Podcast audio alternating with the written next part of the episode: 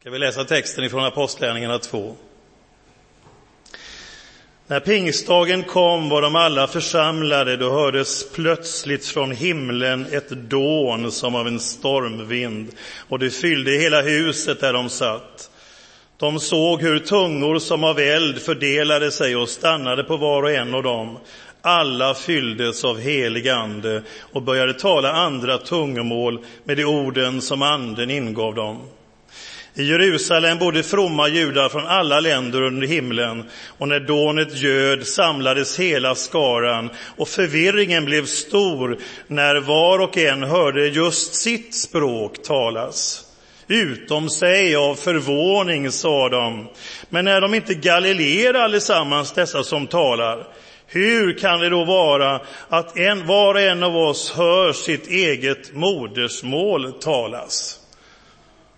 Vi är parter, meder, elamiter, i nuvarande Iran. Vi kommer från Mesopotamien, Judeen och Kappadokien, från Pontus, Asien, från Frygien och Pamfylien, från nuvarande Turkiet från Egypten och trakten kring Kyrene i Libyen. Och vi har kommit hit från Rom, både judar och proselyter. Vi är kretensare och araber. Ändå så hör vi de här galileerna tala på vårt eget språk om Guds stora gärningar. I sin häpnad visste de inte vad de skulle tro. Och de frågade varandra, vad betyder detta? Men andra gjorde sig lustiga och sa, de har druckit sig fulla på halvjäst vin. Då steg Petrus fram med de elva andra och tog till orda och sa till dem, judar, ja, alla ni som bor i Jerusalem, detta ska ni veta, lyssna till mina ord. Det är inte som ni tror att de här männen är berusade, det är ju bara på morgonen. Nej, detta är vad som sagts genom profeten Joel 700 år tidigare. Det ska ske de sista dagarna, säger Gud, att jag ska utgjuta min ande över alla människor. Era söner och döttrar ska profetera, era unga män ska se syner och era gamla män ha drömmar. Ja, över mina tjänare och tjänarinnor ska jag i de dagarna utgjuta min ande och de ska profetera. Jag ska låta sällsamma ting visa sig uppe på himlen och tecken nere på jorden, blod, eld och moln av rök. Solen ska vändas i mörker och månen i blod innan Herrens dag kommer, den stora och strålande. Men var och en som åkallar Herrens namn skall bli räddad. Herre, jag tackar dig för ditt levande ord. Tack att du har ett ärende till oss denna morgon och tack att du vill tala till oss ord som ger liv i Jesu namn. Amen.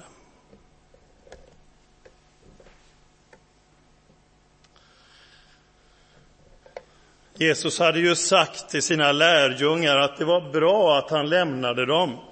Det var ju inga roliga besked. De tyckte ju först att det var så fint, vi hade det så bra tillsammans. Men Jesus säger att det är för ert bästa som jag lämnar er. Jag kan ju bara vara på ett ställe samtidigt. Men ni ska få en hjälpare, en som är likadan som jag. En annan hjälpare som för alltid ska vara med er. Och det betyder en rådgivare, en tröstare, en som går med er alla dagar in till livets slut. Han är med er. Ni ska få en hjälpare. Ni ska vänta i Jerusalem, ni ska bli utrustade med kraft. Och där är man i tio dagar och väntar och man beder. 120 personer, Jesu mamma och bröder, syskon och många andra är där. Apostlagärningarna 2, egentligen är det inte apostlarnas gärningar, eller hur? Det är ju Andens gärningar genom apostlarna. Andens gärningar skulle boken heta. Ni ska få kraft från höjden, den heliga Ande kommer över er. Och när pingstdagen är där var de alla församlade och då hörs plötsligt från himlen ett dån som en stormvind och det kommer tungor såsom av eld och ett språk under er. De får tala i nya tungomål. Inte undra på att folk undrar vad är det som händer här. Oj. Ja, pingsten går ju tillbaka till firandet, judiska firandet om att lagen har, blev given. Men Gud ser och människan ser att det här går inte, vi fixar inte lagens krav. Och då så talar Gud genom sin profet Jeremia, Jeremia 31 och 33. Nej, detta är det förbund jag ska sluta med Israel när tiden är inne, säger Herren. Jag ska lägga min lag i deras bröst och skriva den i deras hjärtan. Jag ska vara deras Gud och det ska vara mitt folk. De firade hur lagen blev given på Sinai. Pingstdagen kommer med att lagen får skrivas i våra hjärtan. Och hur går det till? Vem var den första som lyckades byta ett hjärta på en människa? Kommer vi ihåg det? Vad heter han? Precis, Christian Barnard. När var det?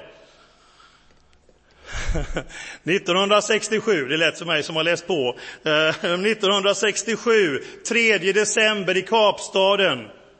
Men var han först? Var han först med att transplantera ett hjärta? Nej, det var Gud som var först. I Hesekiel 37 så talas det om hur Gud skulle omplantera, ge oss ett nytt hjärta jag ska ge er ett nytt hjärta och fylla er med en ny ande. Jag ska ta bort stenhjärtat ur kroppen på er och ge er ett hjärta av kött. Med min egen ande skall jag fylla er, säger Herren. Så Gud var först, byter ut våra hjärtan, det förundliga, när vi föds på nytt. Vinden blåser vart, du, vart den vill, du hör dess sus och vet inte varifrån den kommer. Så är det också med var och en som är född av Anden. Och på pingstdagen får vi fira att Gud är den store hjärttransplantatören. Han byter ut vårt stenhjärta till ett hjärta av kött. Lagen skrivs i våra hjärtan. Och så sker det ett förundligt språkunder. Det måste ju vara helt enormt att få vara med när de här enkla gallerierna plötsligt talar alla möjliga språk i världen alla människorna som är där. Och det språkförbistringen åstadkom i Första Mosebok 11 i Babel överbryggar nu det här språkundret. Plötsligt kan alla förstå och höra om Guds väldiga gärningar på sitt eget språk. Och symboliskt så betyder det att den frälsningshistoriska begränsningen till Israel nu är bruten och evangeliet ska föras ut till alla folk. Alla folk. Det är symbolhälsningen i Apostlagärningarna 2. Frälsningen gäller alla. Gud älskar alla och alla får de höra om Guds väldiga gärningar på sitt eget språk. Ja, är de lite berusade nu tidigt på morgonen? Kan man vara så här glad? Tänk vad glädje kan pro, liksom, pro, heter det, provocera, heter det. Ja, tänk vad det kan bli. Får man vara så glad i kyrkan? Ja. ja vad ska vi vara glada någon annanstans? Inför Guds ansikte glädje till fyllest. Nej, säger, säger Petrus, vi är inte dugg berusade. Vi är glada i så fall, uppgasade i den heliga Ande. Men det är klart och skärpt i kontoret. Och han håller en mästerlig predikan om Jesus så att 3000 människor den dagen bestämmer sig för att följa honom. Det är rakt och klart. Joels profetia uppfylls, säger Petrus. I Gamla testamentet var anden förbehållet speciella personer, speciella tidpunkter eller speciella uppgifter, men nu gäller den alla. Gud ska utgjuta sin ande över alla människor, oberoende av deras kön, bakgrund, ålder, etnicitet eller samhällsställning, you name it. Guds ande kommer till oss alla och öppnar nya möjligheter för Gud att tala i profetior, drömmar och syner och så vidare. Gud vill tala. Och det var starkt här i onsdags kväll när pastor Jakob Merineni från Hyderabad berättade om när han som tioåring, som var dödligt sjuk i leukemi, mötte Jesus i en syn. De var ju bara hinduer hela familjen, men han möter Jesus i en syn och blir helad. Och någon drömmer om Jesus, hinduer som de är i den här byn, ingen annan kristen i byn. Och de bestämmer sig att följa Jesus. Och hela byn blir uppretad och de blir förföljda och de går in i sitt hem och de gråter och är förfärade. Och då kommer en helig ande, berättar han, så vi såg som eld i vårt hus. Och vi börjar sjunga sånger som vi aldrig har sjungit och tala språk som vi aldrig har talat. Och vi blev så glada, sa han, hela familjen, vi bara sjöng och blev jätteglada. Och i Indien bor man så här tätt. Så hela byn hörde, vad händer där? De som var så ledsna förut och gråt och alltihopa. Nu sjunger de och har helkul. Hela byn kom dit. Vi hade sett Jesus. Jag hade upplevt den heliga Andes närvaro, berättar Jakob. Det är inte bara något som hände för 2000 år sedan. Det här är något som pågår nu, här och nu. Det hörs en stormvind. Ja, ibland kommer Gud i den stilla susningen, står det. Men han kommer också i stormvinden. Ett dån. Så inleder Bibeln sin beskrivning. En gudsvind svepte fram när Gud skapar. Och här anknyter Apostlagärningarna 2 till skapelsens morgon. Det är samma gudsvind. Det är anden som är med och skapar universum. Den anden är nu verksam här och skapar på nytt.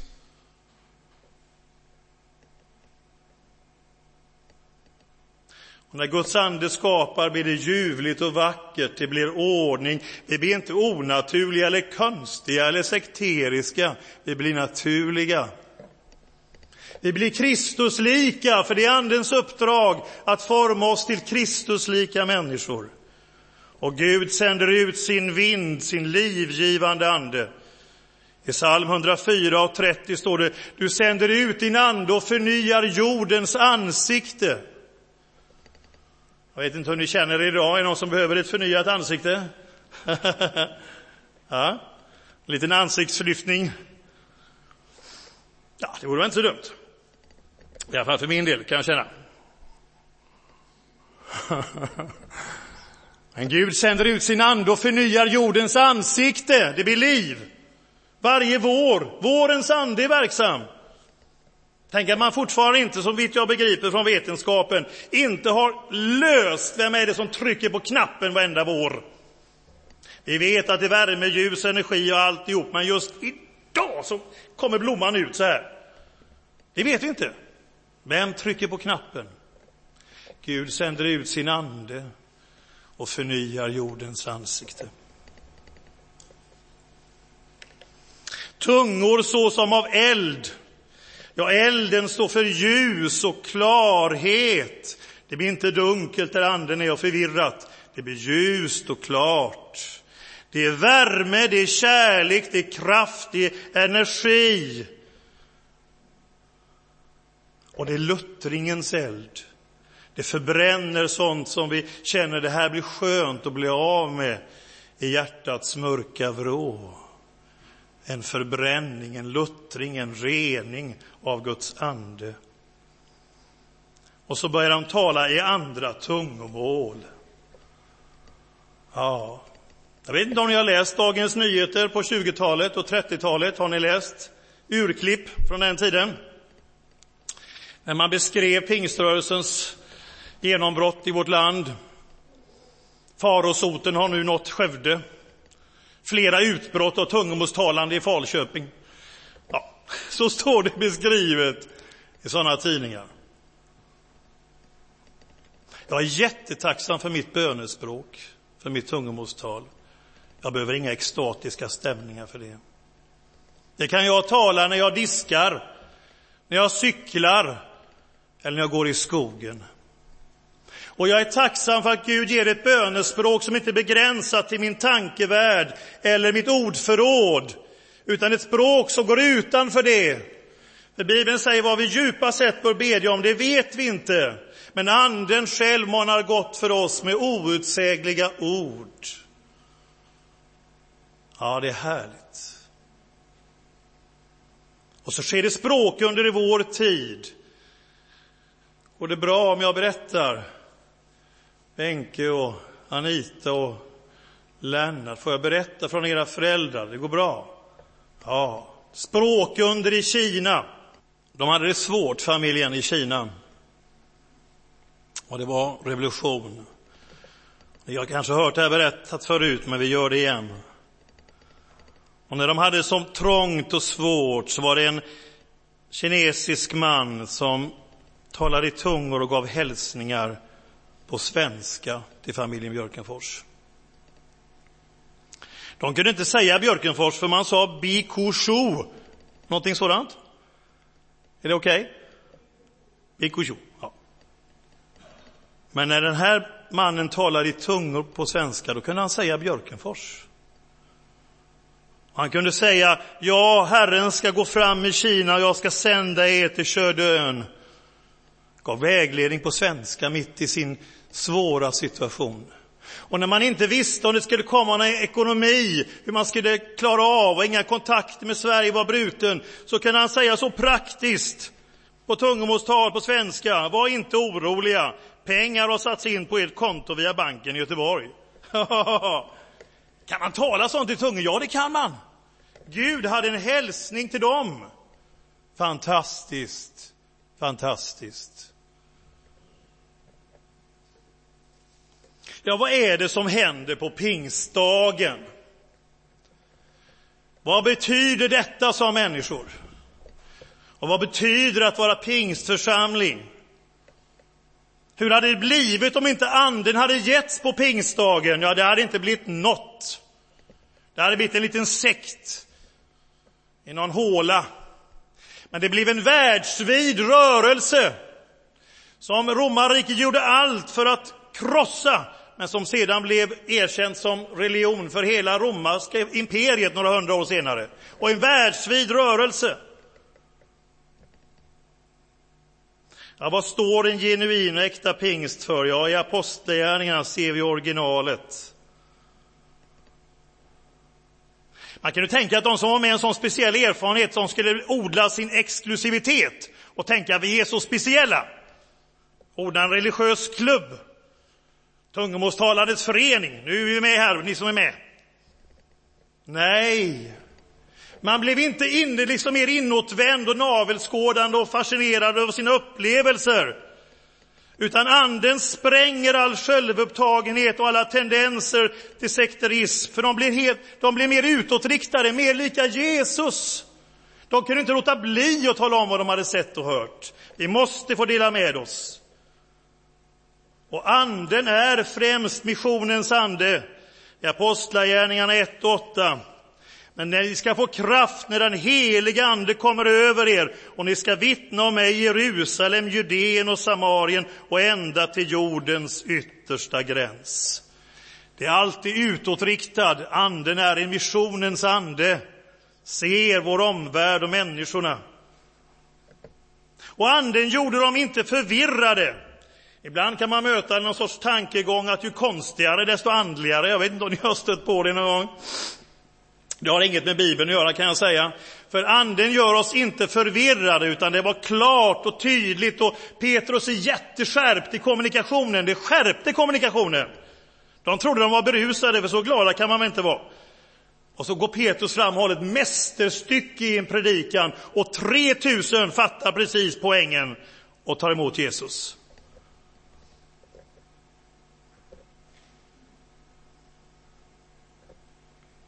Det var en samling kring centrum, kring Jesus. Ingen sensationslystenhet, utan man samlades runt Jesus.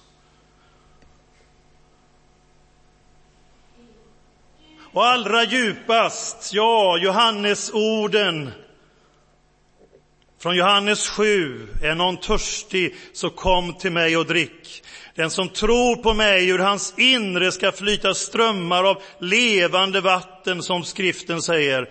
Detta sa han om anden som de som trodde på honom skulle få. Grundvattenkällan, förbindelse med Gud själv, att intas av Guds närvaro. Källan finns där, vill komma med liv. Är någon törstig så dricker han. Och det betyder i grekiskan en fullbordad, jag dricker mig otörstig, men jag fortsätter ju att dricka, eller hur?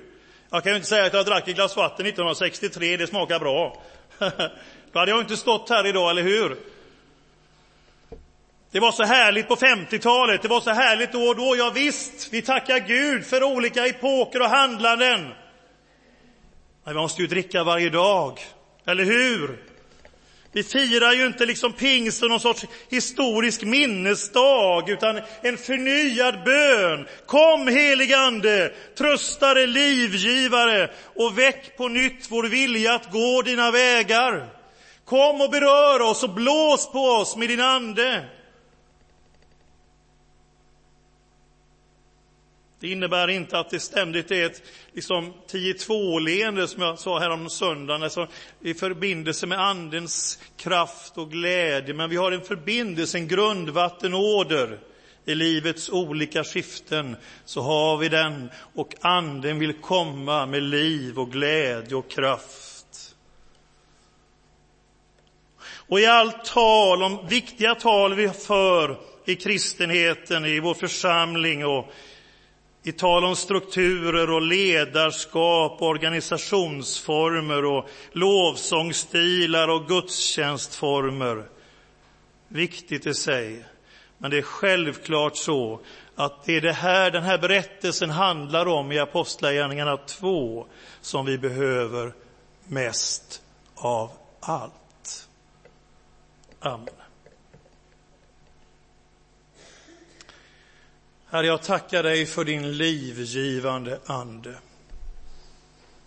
Kom och blås på oss, Herre. Du som sänder ut din ande och förnyar jordens ansikte. Herre, du vet att vi behöver förnyas i våra liv, i våra relationer, i vårt sätt att se på vår omvärld. Herre, kom med din livgivande ande som får forma oss till Kristuslika människor. Kom, heligande, kom över oss, vi behöver dig. Tack, Herre, att du har sänt oss en hjälpare som alltid är med oss. Jag tackar dig, Gud, i Jesu namn. Amen.